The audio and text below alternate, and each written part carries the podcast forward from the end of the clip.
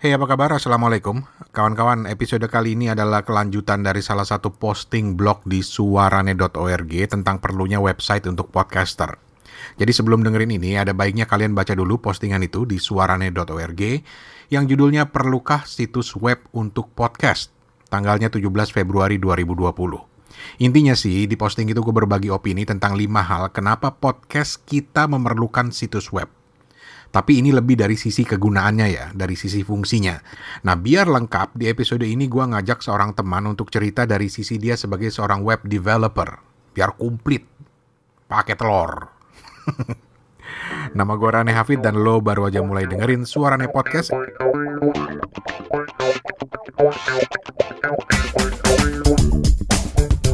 Gue ini bukan orang yang terlalu ngerti soal website, terutama dari aspek teknisnya ya. Makanya ketika gue nulis soal 5 alasan kenapa podcast kita perlu situs web, itu murni dari sisi fungsinya, dari sisi kegunaannya.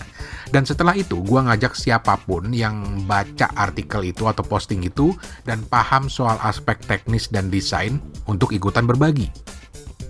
Nah, ada satu yang nyaut dan kebetulan dia ini seorang web developer. Cocok. Lebih cocok lagi karena dia juga seorang podcaster. Ya paling nggak walaupun belum rutin tapi dia minimal sudah mengetahui lah seluk-beluk dunia podcast gitu. Pokoknya tinggal kita kipasin untuk bikin lagi, bikin lagi podcastnya. Ya nggak? Nama teman gue ini Aris Ripandi. Dia punya podcast di Insomnia Story. Tinggalnya jauh banget, jauh banget di Sukabumi. Ya jauh sih kalau dari Bangkok. Namanya Aris Ripandi dan Aris akan berbagi sejumlah poin penting soal website untuk podcaster. Salah satunya yang gue garis bawahi banget adalah karena alasan discoverability. Hai ya, apa pula itu? Dengerin aja nanti.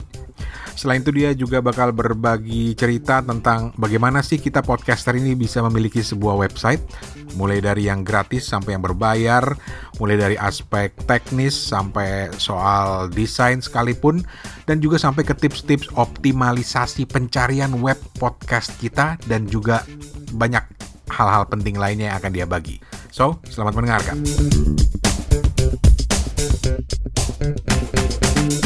Aris Ripandi. Riz, apa kabar Riz? Alhamdulillah baik Om Rane. Kesampaian juga bisa ngobrol ya. Alhamdulillah. Dan gue langsung tertarik begitu Aris yang nyaut. Karena apa? Gue tahu nih Aris nih uh, podcaster. Teku maha itu kabar uh, podcastnya.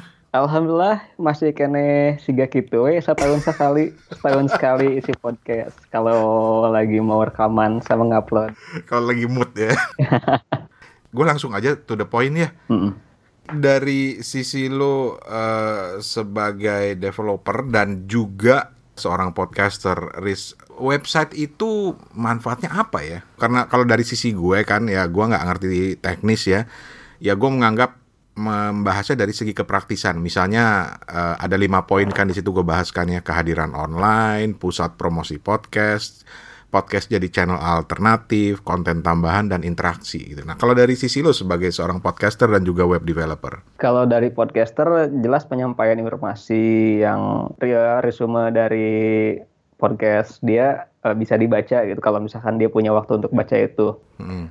Kalau eksistensi benar. Cuman hmm. kalau bicara eksistensi kan sekarang orang lebih banyak eksis di media sosial sih daripada website kan. Yep. Beda kayak zaman dulu kan. Hmm. Nah, terus kalau misalkan manfaat lainnya, ada istilah gini, personal branding. Yap. Nah, website juga bisa salah satu media untuk personal branding kita. Hmm. Kalau misalkan nyari untuk sekarang ya, untuk sekarang kita googling itu kita mencari informasi melalui mesin pencari misalnya Google, Yahoo, Bing dan lain-lain masih berupa tulisan atau misalkan teks belum masih belum bisa tapi nggak tahu juga sih kalau nggak salah kita bisa nyari audio di di mesin pencari. Hmm. Cuman yang orang googling tuh berupa teks, bukan berupa audio. Oh, oke. Okay. Gitu. Jadi website itu akan jadi sarana atau media yang sangat uh, tepat untuk penyampaian informasi atau untuk dicarinya informasi tersebut gitu. Karena orang nyari audio fasilitasnya sekarang belum belum terlalu bagus. Oke, jadi untuk apa ya discoverability lah ya? Nah itu dia discoverability. Ah, karena sekarang mesin pencari itu masih text based. Hmm, masih terbatas. Oke. Okay. Gitu. Meskipun okay. ada yang sudah ke gambar atau misalkan audio ya, tapi masih masih terbatas.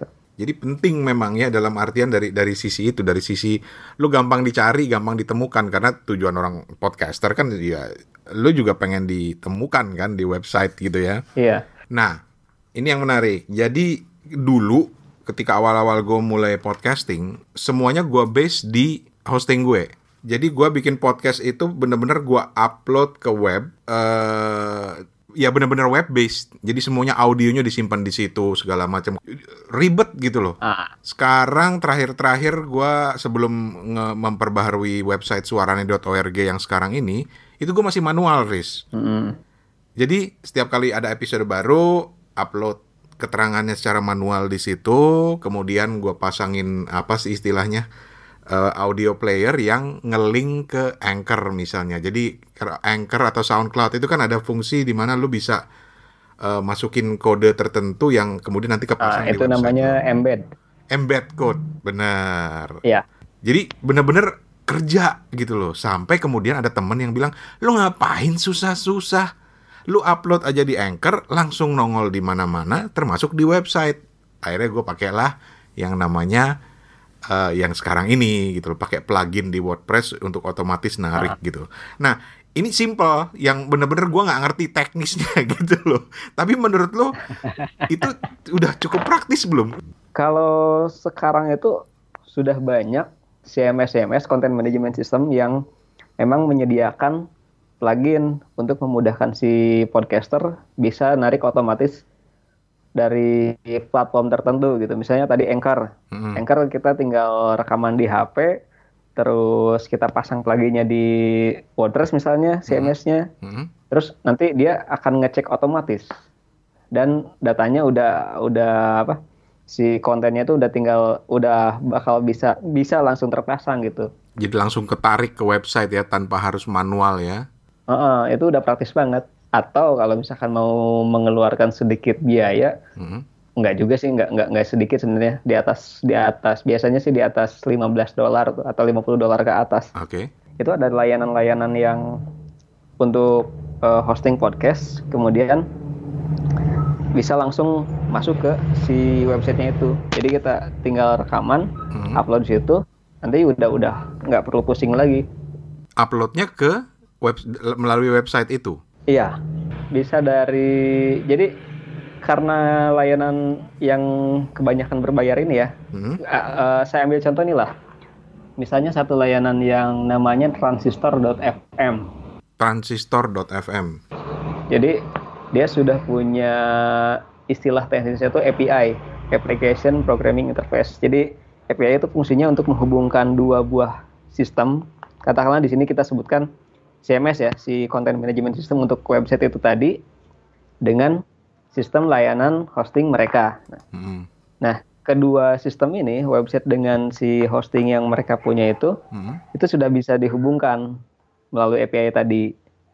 Jadi kita bisa di kita dikasih opsi mau ngupload dari mana nih nanti juga toh bakal disebar otomatis urusan didistribusikan ke iTunes ke Google Podcast ke lain-lain atau uh, apa istilahnya agregator ya agregator hmm. podcast yang lain hmm. itu urusan layanan mereka urusan mereka tanggung jawab mereka kita oh. kita cuma ngupload uh, ngupload install plugin udah beres gitu aja hmm. jadi ada singkatnya gini Om.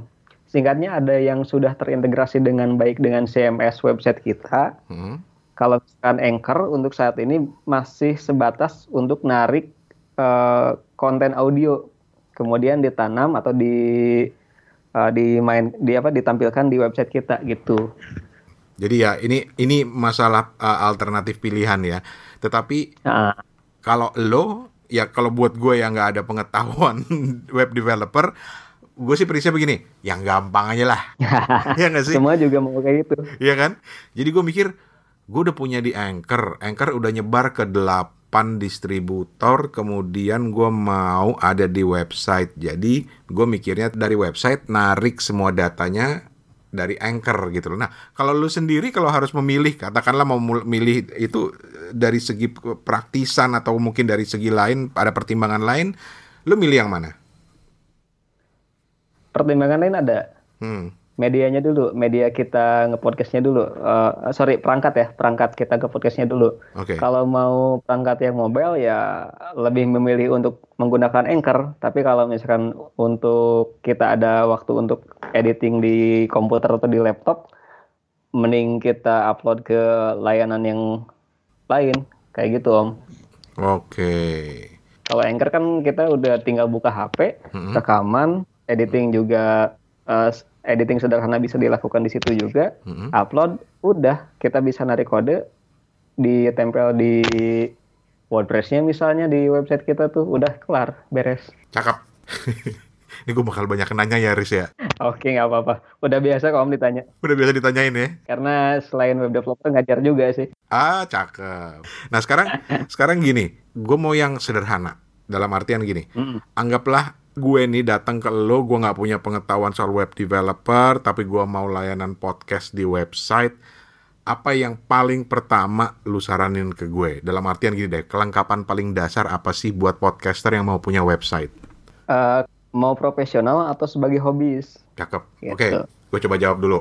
Gue mau mau ini dalam konteks hobi, tapi kemudian nanti akan ada perkembangan lah kalau ternyata banyak yang dengerin dan gue mau serius. Tapi sekarang gue mau hobi aja dulu lah. Kalau untuk tangga tahap awal, mau hmm. itu hobi atau profesional, yang pasti pertama kita mesti punya nama domain. Kalau buat untuk untuk pengen punya website ya. Hmm. Nama domain itu uh, alamat kita misalnya youtube.com, facebook.com hmm. itu nama domain. Hmm. Yang kedua, platform apa yang mau dipakai? Tar dulu, sebelum lari ke platform, nama domain dulu. Ah. Sabaraha itu. Mahal kan kalau domain ya? Enggak sih om, untuk sekarang murah malah. Oh gitu? Kalau misalkan beli domain di Google itu, Google kan punya layanan domain tuh. Huh? Yang .com, .net itu yang yang umum tuh. Hmm? Di Google itu kita bisa dapat domain.com setahun itu sekitar 170 ribuan doang. Setahun? Setahun itu. Oke, okay, sip. Beli.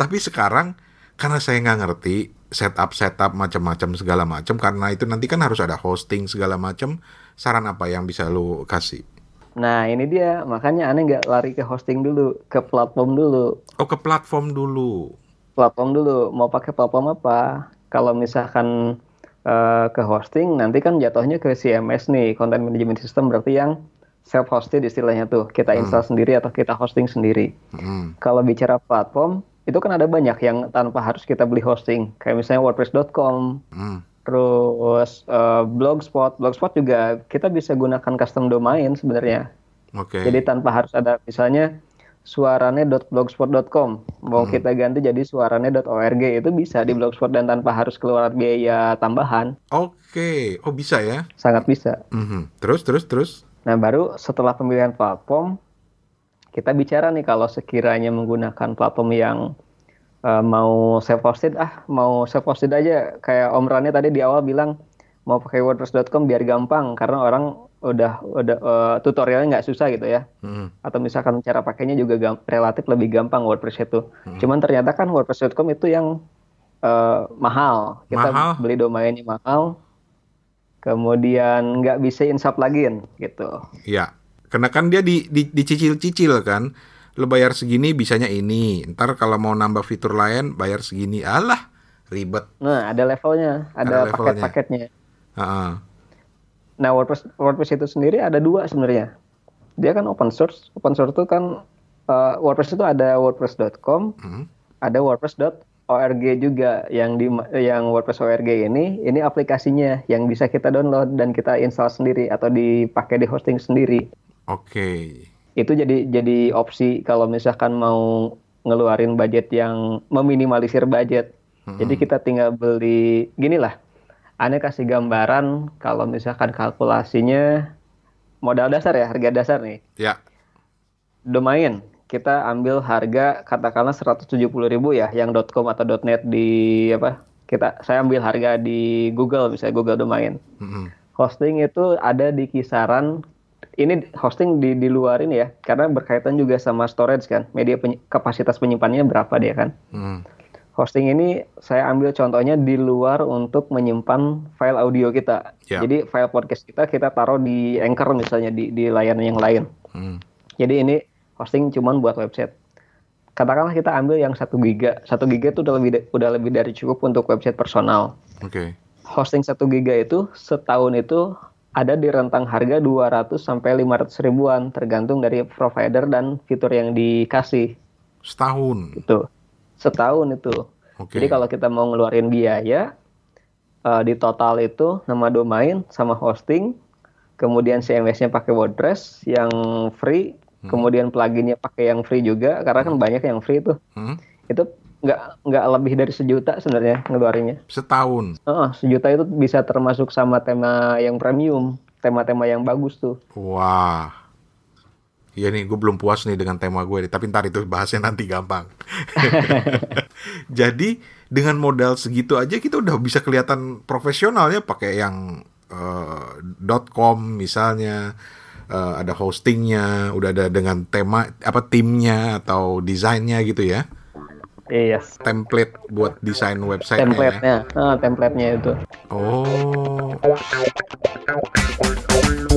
Oke, okay, tadi kita udah ngomongin soal domain, udah ngomongin soal hosting. Kalau kalau CMS-nya atau apa namanya sih content management sistemnya kan yang sekarang yang paling umum itu WordPress ya.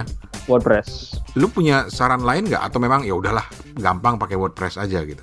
Jujur kalau misalkan buat saya pribadi pasti nyerani WordPress juga. Hmm. Karena ada beberapa pertimbangan ketika kita memilih content management system. Hmm kita asumsinya yang meminimalisir budget ya. Hmm. WordPress itu pertama dia free. Yep. Tapi bukan yang wordpress.com ya, yang wordpress.org yang self hosted itu. Iya. Yang self hosted itu kita install di hosting sendiri. Pertama dia free. Kedua untuk pengelolaan kontennya itu re uh, relatif lebih mudah daripada CMS yang lain kayak misalnya Drupal, Joomla dan lain-lain lah. Mm -hmm. Yang ketiga pluginnya banyak, timnya juga template-nya juga banyak. Ah, oke. Okay.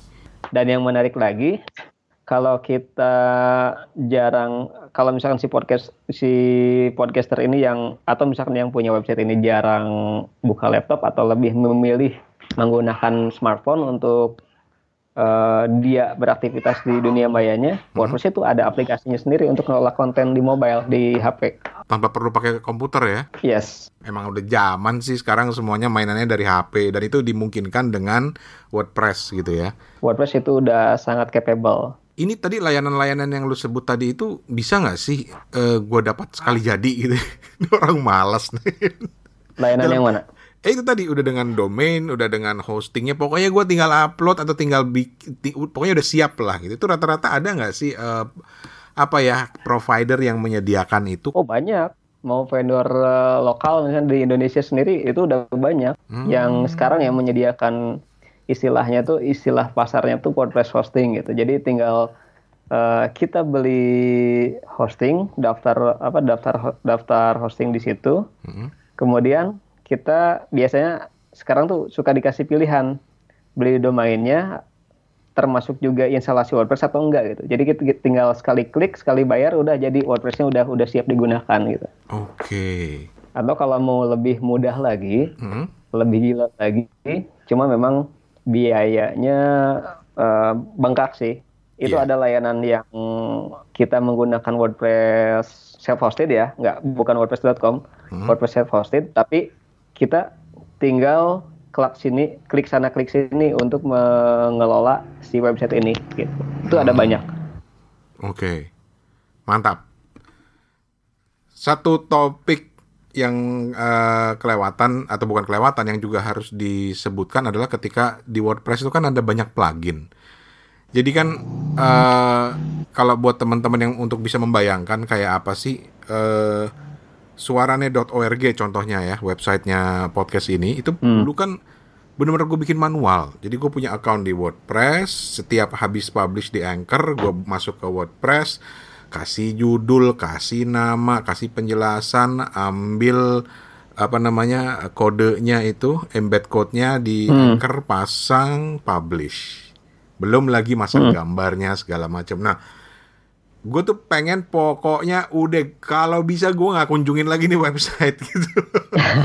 Paling cuma buat balas komen doang gitu. Nah itu kan perlu yang namanya plugin ya plugin tam plugin uh, yang perlu diinstal lu ada saran nggak sih plugin-plugin kayak apa yang cocok buat podcaster gitu kalau itu kita mesti balik lagi ke topik yang awal tadi. Hmm. Nah, jenis hosting jenis hosting podcastnya, hosting podcastnya. Hmm. Kalau di Anchor kan kita mengharuskan untuk menggunakan aplikasi Anchor, rekaman di situ, upload audionya di situ. Hmm. Kita ambil uh, embed code-nya itu kemudian tanam di website. Hmm. Nah kalau misalkan yang satu lagi layanan semacam transistor atau misalkan semacam uh, semacam itu, ada yang kita bisa fokusnya di website malah di CMS kita. Kita ngelola konten dari situ upload di situ, kasih judul di situ, nanti juga akan disinkron disinkronkan otomatis ke uh, ke agregator podcast yang lain. Hmm. Kalau untuk atau untuk pluginnya sendiri, hmm. biasanya layanan-layanan yang bersangkutan sudah menyediakan tanpa harus apa tanpa harus beli plugin lagi gitu.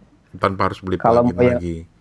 Karena hmm, kan kalau sebenarnya mau kayak layanan yang gue pakai ini kan plugin yang gue pakai ini otomatis dia akan dia cuma minta apa istilahnya RSS dari ah, anchor ah, gue gitu kan syndication ya? itu istilah namanya tuh syndication syndicationnya ya kodenya itu ah. begitu gue masukin di situ RSS-nya otomatis ketika gue upload di anchor akan nongol di situ lengkap dari gambarnya audionya sampai ke tulisan-tulisannya lengkap semua udah masuk di situ itu berarti yang pertama tadi yang lo sebut ya yang base basisnya yes, di anchor betul. ya jadi hmm. kita mesti pakai layanan hosting selain Anchor ya, hosting podcast yang memang sudah apa uh, sudah menyediakan integrasi ke CMS kita. Contohnya ada nih, uh, ada beberapa plugin yang bisa dipakai nih, termasuk hmm. juga layanan hostingnya, hosting podcastnya gratis nih. Hmm. Satu, ada Podbean. Podbean.com. Podbean. Uh, Oke okay, ya. Kemudian Buzzsprout itu gratis juga. Oke, ini buat yang yang dengerin sub, uh, nggak usah sibuk nyatet nanti gue pasang tulisannya di di show notes gitu ya pokoknya santai aja lah dengerin aja dulu kita bapak konsultan kita menjelaskan ini baru nanti lu ke situ dan belum bapak-bapak kalian belum bapak-bapak ya udah akang-akang konsultan lah nah akang boleh akang akang konsultan jadi pertama tadi lu sebut podbean.com podbean kemudian okay. buzzsprout sama Buzzsprout. Spreaker apa satu yang ketiga Spreaker. Oh, Spreaker. Nah, kalau ini namanya Spreaker. Oke. Okay. Ada R nyempil di situ. Uh -huh.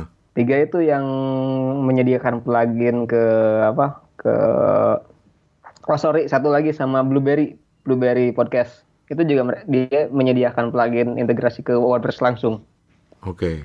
Kalau sisanya itu bisa dicari uh, di podcastinsight.com jadi ada cari aja nanti artikelnya judulnya Best Podcast Hosting hmm. di podcastinsights.com itu ada katalog uh, penyedia layanan hosting untuk podcast yang hmm. termasuk menyediakan plugin-plugin integrasi ke uh, eh, CMS kita gitu. Biasanya sih WordPress sih. Tadi empat yang disebutnya gratis nih? Gratis. Eh serius? Yes, gratis. Tentunya dengan, dengan limitasi ya. Nah, pastinya, ada batasan. Pastinya. Cuman batasannya sendiri kan biasanya kalau nggak batasan storage, kapasitas storage, kalau podcast hosting biasanya di maksimum berapa jam nih bisa di hosting di sini. Nah, tuh berarti nggak ada alasan lagi tuh. Bahkan mulai dari gratis sudah ada dan ketika kita nanti mau coba untuk profesional, pendengar udah banyak gitu ya, udah populer gitu ya bisalah dengan layanan yang berbayar yang lebih mahal lagi ya Riz ya. Yes, betul. Oke. Okay. Sekarang gue mau turunin lagi justru, bukan mau naikin lagi. Maklum gue pelit. Gimana? ah, Oke, okay, gimana? gue nggak mau bayar. Oke, okay, oke. Okay, Jadi okay. banyak kan teman-teman podcast, ah udahlah males lah bikin .com segala macam. Pokoknya gue pakai yang gratisan ada. Hmm, kalau mau yang benar-benar total gratis. Uh -huh. Kita pakai kombinasi ini aja, kombinasi Anchor untuk podcast hostingnya. Uh -huh. Sama blogspot.com untuk layanan websitenya. Udah nah, itu total gratis. Itu dia. Udah anchornya gratis, blogspot.com-nya gratis. Nah, iya. Dari sisi uh, blogspotnya, apa yang lu bisa sarankan? Apa yang bisa dilakukan uh, sama teman-teman pod podcaster yang mau coba uh, hosting atau mau pakai blogspot buat podcastnya? Khusus untuk blogspot, PR pertama itu adalah rapihin tem tema. Oke. Okay. Atau tampilan websitenya. Hmm. Itu PR PR banget karena uh, template di bawaan blogspot itu kalau buat buat saya pribadi ya, buat hmm. saya pribadi kurang kurang eye catching lah. Hmm. Cuman nggak usah khawatir juga banyak banyak website yang menyediakan template blogspot yang gratis tapi bagus-bagus. Oke, okay. itu dari segi dari segi template-nya ya. Tapi kalau misalnya ya udahlah, gue pakai blogspot aja, cari desain yang agak-agak bagusan gitu dan gratis. Hmm. Ya mungkin yang paling mungkin kan tuh manual ya, semuanya taruh taruh di situ ya. Hmm. Dan sebenarnya itu nggak nggak ribet juga kan, cuman copy paste ya. kode embednya itu tadi. Hmm. Jadi ada kode embed, copy paste di situ udah lumayan keren juga kan? Hmm, udah punya websitenya, udah punya podcastnya juga, itu udah keren banget sih. Hmm, oke, okay. cakep nih. Nih kelewatan nih kalau ada yang lagi dengerin dan mikir-mikir, masih mikir dua kali lagi nih. Gue udah kasih alternatif mulai dari yang berbayar, yang murah sampai yang gratis, full full gratis. Sekarang gue mau masuk ke satu tema lagi. Ada be ada beberapa pertanyaan lah ya Uh, karena tentu saja podcast kita terbatas juga waktunya. Tapi gue mau coba gali sebanyak mungkin ilmu dari lu Niris. Yang berikutnya adalah desain. Gue nggak tahu ini uh. bidang lo apa enggak gitu ya. Tapi kan gue inget banget salah satu komentar lo pertama ketika ngelihat website suarane.org yang baru adalah Bang ganti template-nya lah. Nih gue kasih nih alternatif beberapa gitu kan. Gue langsung yeah bener juga begitu gue lihat link yang dikirim Aris, wih keren-keren gitu loh. Tapi gimana caranya gue gaptek gitu ya. Tapi sekarang dari sisi lo yang gue pengen tanya adalah seberapa penting sih desain sama tim ini? Apalagi sekarang orang tuh lebih banyak mengakses webnya itu kan dari dari ponsel ya, dari smartphone gitu ya. Hmm. Kalau misalkan desain template atau tema si website itu sendiri, hmm untuk presentasi visual itu sangat penting. Hmm. Kalau untuk presentasinya audio, cuma podcast saja, itu nggak terlalu penting. Yang penting adalah, yang utamanya adalah itu jangan sampai berantakan uh, isinya, jangan sampai berantakan. Satu, yang kedua jangan terlalu banyak iklan. Karena orang malas juga kan kalau udah banyak iklan, otomatis loading websitenya juga agak lama, lebih lama lagi. Sedangkan dari uh, apa? Dari apa? performa website itu akan hmm. mempengaruhi uh, nilai indeks kita di mesin pencari. Istilahnya tuh SEO, Search Engine Optimization. Oke. Okay. Kalau website kita lemot, hmm. uh, otomatis akan ada akan lebih susah untuk dicari lagi di mesin pencari. Begitu oh. Om. Gue pikir yang namanya SEO itu hanya faktor keyword aja di tapi ternyata uh, lemot enggaknya juga pengaruh ya. Yes, karena algoritma si Google ya, si Google ini sendiri uh, atau di mesin pencari yang lain juga sepertinya sama sih. Mm-hmm. Speed itu sama dengan score. Score itu kalau makin bagus sama dengan visitor. Mm. Ya otomatis kalau visitor kita banyak sama dengan revenue juga kan. Oke. Okay. Jadi itu saran lo dari dari sisi desainnya. Ada saran lain nggak? Ya. Kalau kita ngomong soal dari sisi desain ya kalau urusan desain ada kembang-kembangnya atau ada yang animasi segala macam itu, itu, itu itu sih selera sih itu selera, selera betul sih. betul nah, selera selera tapi dari kemudahan yang buat gue yang terpenting dari sisi desain adalah kemudahan untuk orang mengakses. Itu aja yang penting dulu gitu kan. Nah kalau menurut lu gimana? Kalau kemudahan mengakses WordPress itu sangat gampang. Hmm. dan kalau mau ganti template di WordPress itu tinggal di menu apa menu appearance itu udah ada. Tinggal nyari aja klik install udah kelar beres. Otomatis sudah menyesuaikan semua ya? Ya paling penyesuaian dikit aja sih kayak misalnya mau kalau mau ganti font atau mau tambahin widget itu kan ada biasanya di kanan tuh sidebar uh -huh. itu namanya widget kan uh -huh. kalau mau nambahin widget kayak gimana misalnya uh -huh. itu di otak atik dikit aja oke okay. overall sih WordPress ya untuk sekarang paling direkomendasikan kalau mau uh, bikin website buat podcast. Karena masalahnya kan hmm. kadang-kadang hmm. Kita tuh kalau mikir website tuh mikirnya akses dari komputer harus kelihatan keren. Padahal juga tampilan dari ponsel juga harus dipikirin apalagi sekarang mayoritas orang di Indonesia itu udah ngaksesnya semua dari ponsel karena kalau WordPress sendiri tuh udah otomatis bisa di disesuaikan dengan tampilan di handphone nggak sih? Nah, untuk tampilan mobile sendiri, hmm. ini ada beberapa cara yang kita bisa pakai. Oke. Okay. Jadi ada yang satu pertama itu ada yang template-nya kita sesuaikan, kita pilih yang buat bisa optimas, optimal di mobile. Mm-hmm. Itu namanya responsive design. Mm-hmm. Istilah teknisnya tuh. Yang kedua, kita bisa pakai plugin namanya AMP atau AMP.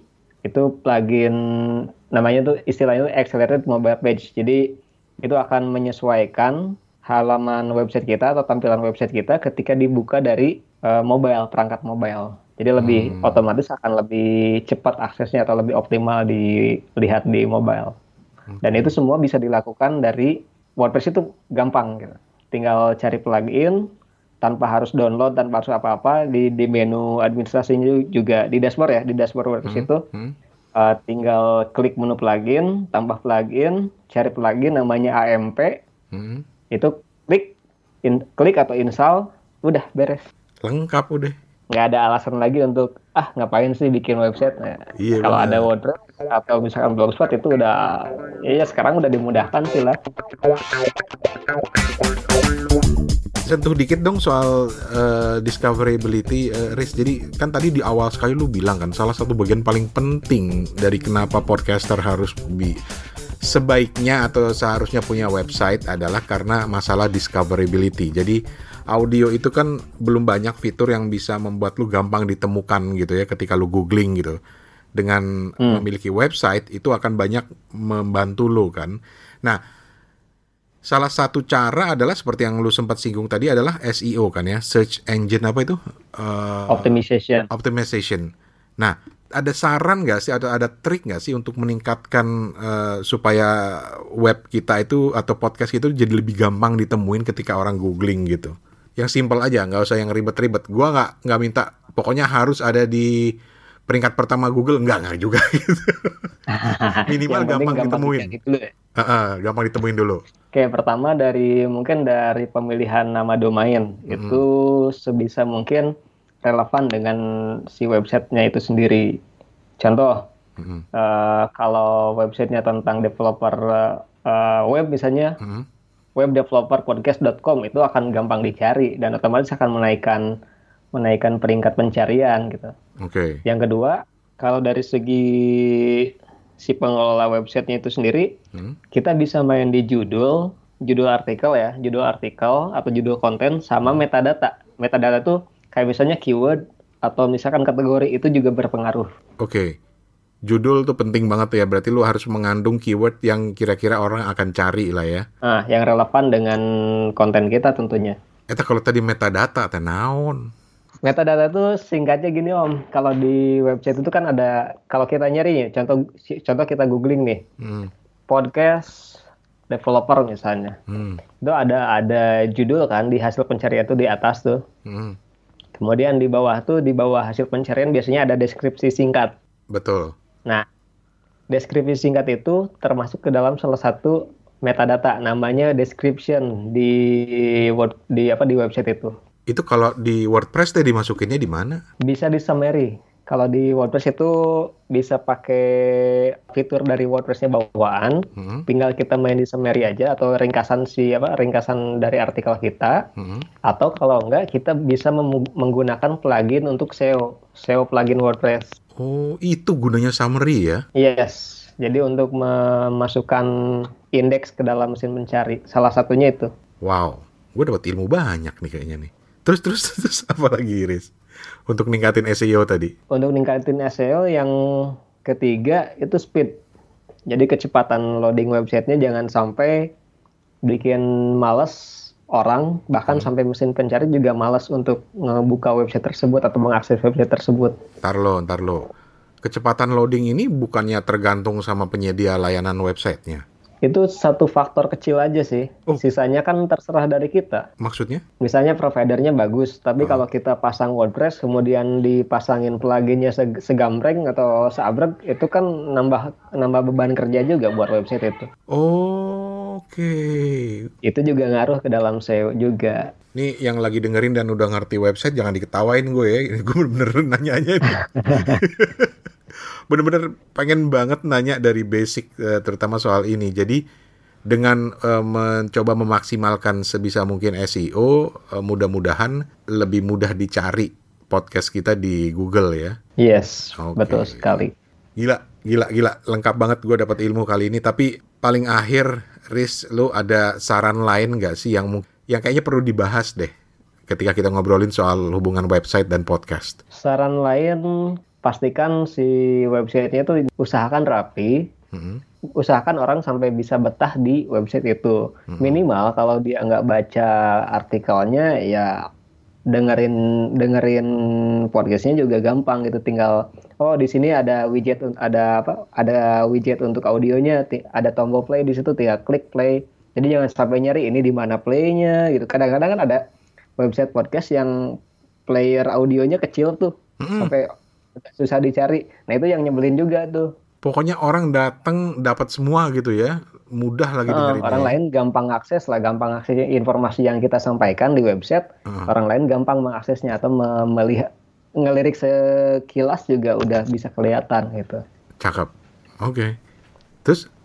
Kalau yang lebih advance lagi uh, bisa memanfaatkan misalnya uh, optimasi ini ya, optimasi buat speed ya. Mm-hmm.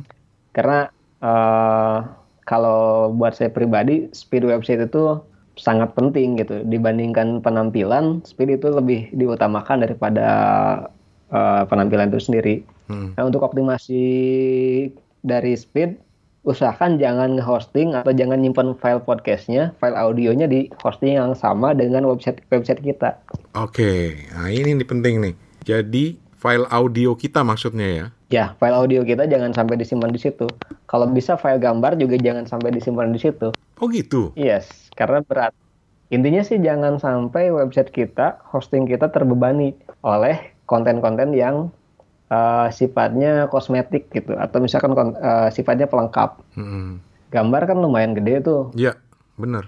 Misalnya hosting kita cuma satu giga, gambarnya nggak udah nggak dikompres, filenya gede ya otomatis dalam sebulan dua bulan atau misalkan kurang dari setahun itu udah bakalan penuh dan mau tidak mau itu harus kita ngeluarin dana lebih lagi atau dana tambahan untuk beli kapasitas yang lebih besar atau uh, spesifikasi yang lebih besar.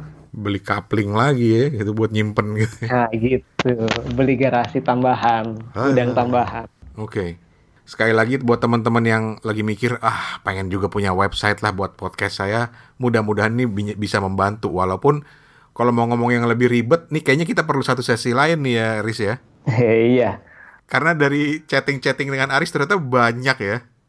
Banyak banget yang kita bisa pakai apa manfaatkan ya. Kita bisa manfaatkan Aha. Mulai dari yang gratis sampai dengan yang berbayar, tapi yang gratis juga banyak banget sebenarnya yang bisa dimanfaatkan untuk ke podcast untuk biar podcast kita sama website podcast kita lebih lebih wah lagi gitu. Asik. Tapi ini nanti kalau ada waktu kita bikin satu sesi khusus lagi buat yang mau serius eh. gitu ya. Tapi kalau mau ada yang mau coba uh, stalking lo, Riz? Boleh, silakan. Lu di, bisa ditemuin di mana, Riz? Ada website atau ada Instagram atau apa gitu? Boleh di ini di Telegram aja deh. Telegram. ID-nya R I I P A N D I Ripandi. Ripandi R R I I P A N D I atau uh. kalau ya sebutin sekalian lah Instagramnya sama semua sama ya Ripandi pokoknya kalau nyari Ripandi, RIPND itu udah udah personal branding dari dulu. Asik. Ini juga contoh SEO nih. Atau kalau enggak cari aja, cari aja Aris Ripandi di Google itu udah ya lumayan gampang lah nyarinya. Langsung gampang ya. Ya udah. Dan sebelum pamit, kapan tema upload podcastnya? mesti ngelawan rasa malas dan hoream. horeamnya itu yang susah. Ya pokoknya kita tunggu lah ya, Riz. Oke, oke, oke.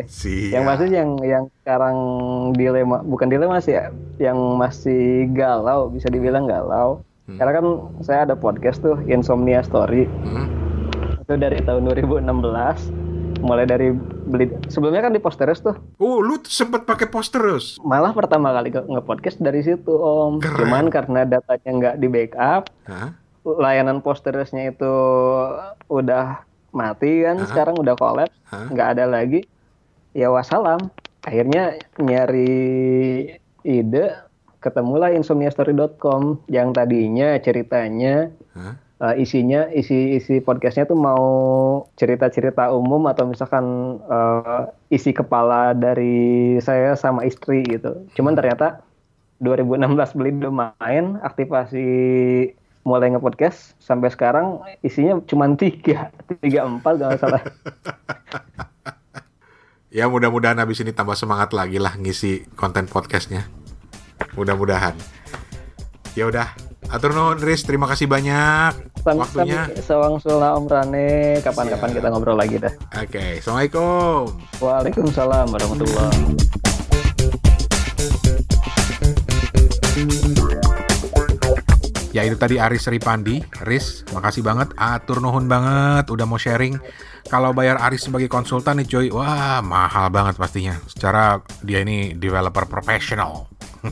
Jadi ini semoga bermanfaat dan kalau lo pikir masih ada loh informasi yang perlu ditambahin terkait soal perlunya website buat para podcaster ini, tinggalin aja pesan atau pertanyaan atau komentar di komen box di suarane.org, suarane.org atau email ke suarane@gmail.com, suarane@gmail.com atau WA 087878505012, 087878505012. Oh ya, dan email serta WhatsApp tadi juga terbuka bagi siapa pun yang mau nanya apa pun itu terkait podcast atau mau usul gimana kalau suaranya podcast bahas soal ini atau soal itu atau soal ini. Pokoknya yang ada kaitannya dengan podcast. Apa pun. Kalau gue nggak bisa jawab gue nggak akan sok tahu. Gue pasti akan usahakan cari teman yang bisa bantu jadi biar kita sama-sama belajar, biar sama-sama dapat ilmu. Kayak gue pribadi di episode kali ini nih, udah serasa gue barusan ikut kuliah aja. anyway, terima kasih banyak Riz sekali lagi. Uh, kita ketemu lagi di episode berikutnya. Jangan lupa subscribe di aplikasi podcast apa pun yang kalian pakai atau main ke suarane.org. Gue juga ada banyak artikel soal podcasting di situ yang semoga bermanfaat. Dan kalau lo pikir podcast ini atau juga artikel-artikel di website gue di suarane.org ini ada gunanya, dan kalian ada rezeki lebih, misalnya ada sisa saldo GoPay atau OVO, ya boleh kalau mau traktir gua ngopi di karyakarsa.com garis miring suarane. karyakarsa.com garis miring suarane. Pamit dulu, terima kasih banyak Rane Hafi dari Bangkok. Permisi, Assalamualaikum, sampai jumpa.